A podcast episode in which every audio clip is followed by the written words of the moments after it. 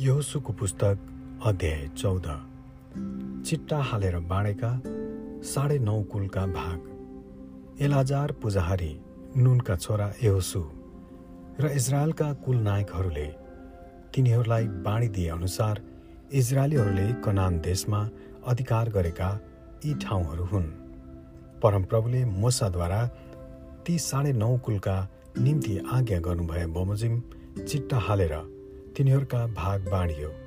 अढाई कुलहरूलाई त एर्दन पारी मोसाले अधिकार दिएकै थिए तर लेबीहरूलाई चाहिँ तिनीहरूमध्ये कुनै हिस्सा उनले दिएका थिएनन् किनभने योसेफका छोराहरू नै मनस्य र एफ्राइमका दुई कुल थिए।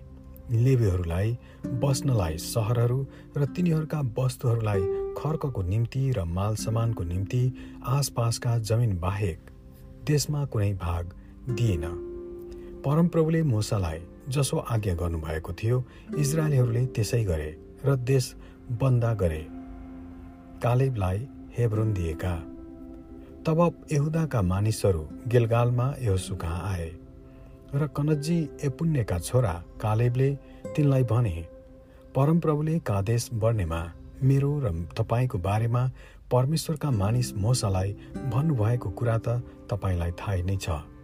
परमप्रभुका दास मुसाले कादेश बढ्नेबाट यस देशको भेद लिन मलाई पठाउँदा म चालिस वर्षको थिएँ र मैले आफूले बुझे अनुसारको समाचार तिनलाई ल्याइदिएँ।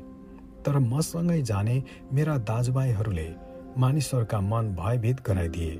तापनि म त पूर्ण रूपले परमप्रभु आफ्ना परमेश्वरको पछि लागे। यसर्थ त्यसै दिन मुसाले शपथ खाएर मलाई यसो भने तिम्रा खुट्टाले जुन ठाउँमा टेकेर आएका छौ त्यो निस्सन्देह तिम्रो र तिम्रा सन्तानको अधिकारमा सदाको निम्ति हुनेछ।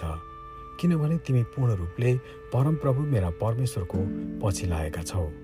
अब हेर्नुहोस् इजरायलीहरू उजाड स्थानमा घुमफिर गर्दा परमप्रभुले मोसालाई यो कुरा भन्नुभएको बेलादेखि अहिले पैँतालिस वर्ष बितिसक्यो र आफ्नो वचनअनुसार परमप्रभुले मलाई जीवितै राख्नु भएको छ। अब हेर्नुहोस् म आज पचासी वर्षको भएको छु।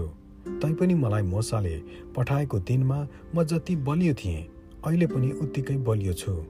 लडाईँको निम्ति बाहिर जानलाई मेरो ताकत त्यस बेला जति थियो अहिले पनि त्यति नै छ। यसकारण अब यो पहाडी देश मलाई दिनुहोस् जसको बारेमा परमप्रभुले त्यस दिन भन्नुभएको थियो।